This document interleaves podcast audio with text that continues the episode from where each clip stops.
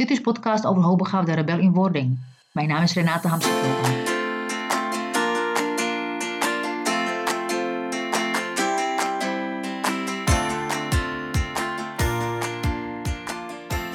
Voor een hoogbegaafd kind is het vrij moeilijk om zichzelf te zijn als je vanaf kleins af aan verteld wordt wie je moet zijn. Maar hoe word je weer jezelf? Niet door te luisteren naar de buitenwereld die je vertelt hoe je moet zijn, hoe je je moet gedragen, hoe je sociaal moet zijn, wat je norm is, wanneer je succesvol bent, wanneer je een ideale leerling bent. Nee, dat is niet belangrijk.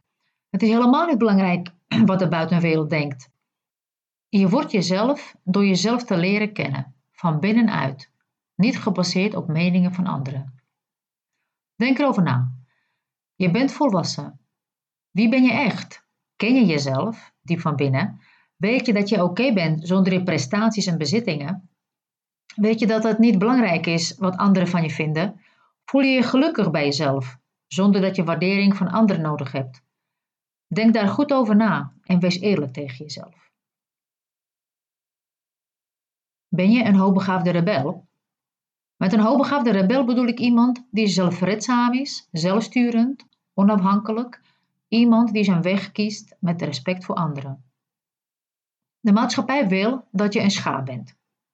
Je bent misschien een cheetah, maar je moet toch doen alsof je een schaap bent. Maar als je een cheetah dwingt om een schaap te zijn, wordt hij ongelukkig. Het is niet natuurlijk en je voelt je minder waardig. Als je besluit een cheetah te blijven, als je durft te zijn wie je bent, is de kans groot dat je een buitenstaander wordt. Daar moet je tegen kunnen.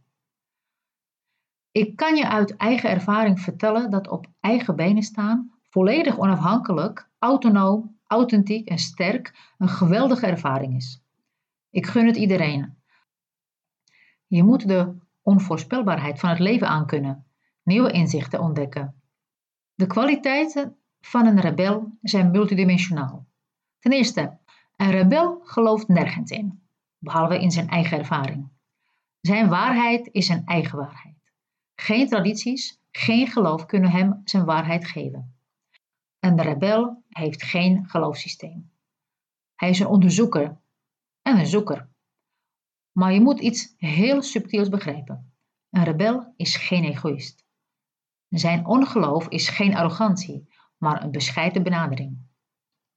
Een rebel respecteert zijn eigen onafhankelijkheid en hij respecteert de onafhankelijkheid van alle anderen.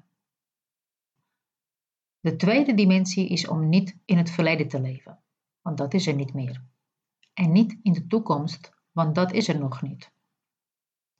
Je leeft in de aanwezigheid met zoveel alertheid en bewustzijn als je aan kunt. En normaal leven mensen als slaapwandelaars.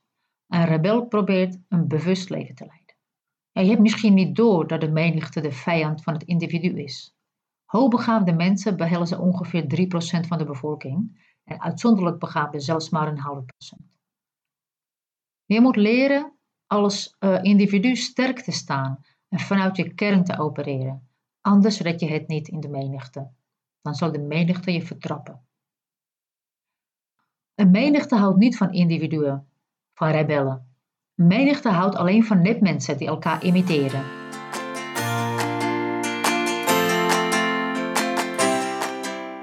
Je kind ervaart misschien regelmatig op school hoe het is om anders te zijn. Maar hoe reageert men daarop? Hoe reageren anderen op een andere kledingstijl van je kind of op zijn interesse in meningen? Zelfs leerkrachten en docenten kunnen zich er niet van weerhouden opmerkingen te leveren hier en daar. Iedereen die op zichzelf staat, zijn eigen vrijheid tot stand brengt en zijn eigen gang gaat zonder bang te hoeven zijn voor de gevolgen, wordt door de menigte veroordeeld. Maar hoe leer je je kind om te gaan met zijn authenticiteit? Hoe zal je hoogbegaafde kind content zijn met wie hij is? Nou, ik heb een paar uh, punten op een rij gezet. Leg aan je kind uit wat het betekent om hoogbegaafd te zijn. Gebruik daarbij geen getallen, maar praat over kenmerken en gedrag, over behoeftes, gevoel en over intensiteit. Vraag je kind om een denkbeeldige container voor zijn emoties te maken wanneer het niet veilig is om ze in een openbaar te uiten. Zoek een specialist die helpt met onderwijsaanpassing op school en counseling van je kind. Blijf volharden bij het zoeken naar de beste manieren van onderwijs voor je kind. En denk daarbij out of the box. En zoek de beste specialist waar jij en je kind een klik mee heeft. Probeer een band op te bouwen met de leerkracht uh, en schoolmedewerkers. Breng ze af en toe een sterke kop koffie om vol te houden. En laat je niet leiden door je twijfel. Kom op voor de rechten van je kind en besef dat andere hoogbegaafde kinderen hier ook van zullen profiteren. Maar je kind kan leren zichzelf te zijn als hij van anderen zichzelf mag zijn. Leer je kind sociale vaardigheden aan. Aan één kant om zich te redden in een omgeving waar hij niet in past. Zijn authenticiteit moet daarbij bewaard blijven. En aan de andere kant heeft je kind overlevingsstrategieën nodig om zich te redden in groepen van andersdenkenden terwijl hij daarbij zichzelf kan blijven. Hoogbegaafde kinderen kunnen bazig en ongeduldig zijn. Ze moeten weten dat andere kinderen anders denken, leren en redeneren. Leg dit aan je kind uit en leer hem hoe hiermee om te gaan. Bij opvoeding van hoogbegaafde en uitzonderlijk begaafde kinderen is het bijzonder belangrijk dat je zelf authentiek en puur bent. Anders gaat het niet werken. Anders blijft het kind tegen een masker praten en daar ziet het al genoeg van in de maatschappij. Hoogbegaafde kinderen hebben hulp nodig uh, met hoe ze met deze maskers om kunnen gaan. En hoe ze hun authentieke ik kunnen vinden. Richt je op belangrijke levenslessen en praat met je kind over zichzelf zijn. Hoe doe je dat, jezelf zijn? Hoogbegaafde mensen moeten weerbaarder zijn dan gemiddeld begaafde mensen. Want hun intelligentie, hooggevoeligheid en intensiteit stellen hen in staat de pracht van de existentie te zien zoals het werkelijk is. Het pure wonder te zien dat ons omringt en ons pad elke dag kruist. Hoogbegaafde kinderen kunnen al heel jong diep geraakt zijn door die pracht van de wereld om hen heen. Een dauwdruppel, wolken, een mooi muziekstuk, een gedicht, uh, de aanwezigheid van een ander gevoelig mens, een aanraking, een schilderij. als niet hoogbegaafde zal je nooit in staat zijn hetzelfde te zien. Om het te kunnen zien en voelen heb je een enorme capaciteit nodig. Een capaciteit om te begrijpen, te voelen en te zijn. Hoe blijf of word je als intense hoogbegaafde jezelf? Met deze overweging richt ik mij direct tot de hoogbegaafde volwassenen. Ik vraag je erover na te denken. Probeer zonder oordeel en mening te voelen over wat ik bedoel en kijk of je dit in je leven kunt toepassen. En of je inzichten aan je kind kunt overbrengen. Begrijp je conditionering. Kijk hoe het leven domineert, hoe het je gedrag beïnvloedt, hoe het je persoonlijkheid heeft gevormd, hoe het je stuurt. Door het te begrijpen word je vrij. Een begrip is vrijheid. Je kunt niet boos zijn op je opvoeding of op je ouders die je zo hebben geconditioneerd.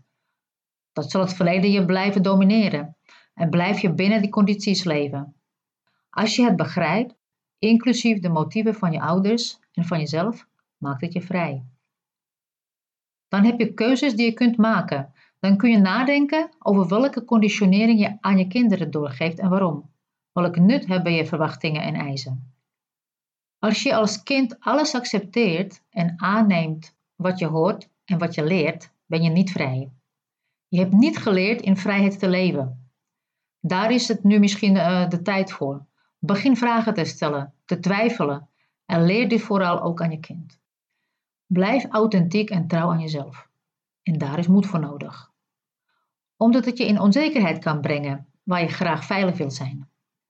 Daarom heb je tot nu toe geluisterd naar anderen en hun wensen en daarom kun je het gevoel hebben dat je klem zit. Of hebben ze je al vermoord? Weet je nog wie je bent en hoe je tot je kern kunt komen? Waarom luister je naar anderen eigenlijk? Omdat je denkt dat ze meer weten? Maar het is niet de kwantiteit van ervaring die iemand wijs maakt. Het is de kwaliteit. Een enkele ervaring kan je meer wijsheid geven als je er de kwaliteit van bewustzijn aan toevoegt. En daarom hebben hoogbegaafde en uitzonderlijk begaafde tieners regelmatig ruzie met volwassenen. Omdat zij door de kwaliteit van hun ervaring iets hebben geleerd wat de volwassene nog niet inziet.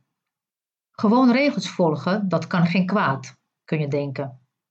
Er is zoveel geïnvesteerd om die regels te bedenken, Als je ze volgt, ben je goed bezig. Maar wat doet het met je authenticiteit? Sta je achter die regels? Heb je erover nagedacht? Wil je die regels opvolgen? Als je denkt dat door het niet volgen van regels, door je niet te conformeren, je er niet meer toe doet, heb je het fout. Als je je daarover zorgen maakt, word je neurotisch. Je enige doel is namelijk voldoen aan andermans regels en verwachtingen. En dan ben je niet trouw aan jezelf en dat maakt je ziek. Zoveel mensen en zoveel verwachtingen heb je geprobeerd aan al die verwachtingen te voldoen. Dat maakt hoogbegaafde kinderen ziek. Ze moeten leren dat ze niemand tevreden kunnen stellen. De enige die ze tevreden kunnen stellen zijn zijzelf. Doordat ze authentiek en trouw aan zichzelf blijven. Doordat ze bij hun kern blijven. En als je tevreden bent, zullen een paar mensen samen met jou tevreden zijn. Dat zijn voor jou belangrijke mensen, die je nemen zoals je bent. En als mensen dat niet zijn, is dat niet jouw probleem. Dat is niet belangrijk, want jij blijft trouw aan jezelf. Het is niet jouw taak om aan hun verwachtingen te voldoen en te pleasen. Het is jouw taak om te zijn wie je bent. Desintegratie ontstaat onder andere doordat je aan jezelf laat trekken, doordat je te veel laat binnenkomen. En dat is begrijpelijk, want door intensiteit, hooggevoeligheid en empathie komt ook veel binnen. Als je leert je af te schermen, uit zelfbescherming, heb je er veel minder last van. En je wilt aan de verwachtingen van velen voldoen. Aan die van je ouders, van je leerkrachten, van docenten, van je vrienden, van je collega's, van de buren, van de opa, van oma, van de kassière, van de bakker. En die verwachtingen zijn inconsistent. Door de intensiteit en hooggevoeligheid raakt deze inconsistentie je diep, veel dieper dan je misschien beseft. En omdat je het goed wil doen, raak je verscheurd, gedesintegreerd. Blijf heel en blijf bij jezelf. En vraag je af, wat wil ik?